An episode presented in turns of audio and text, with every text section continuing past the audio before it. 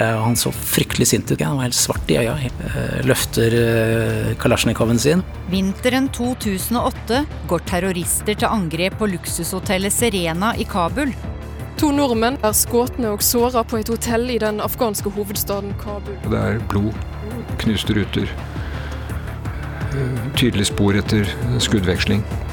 Norges utenriksminister må gå i dekning, og to nordmenn får livstruende skader.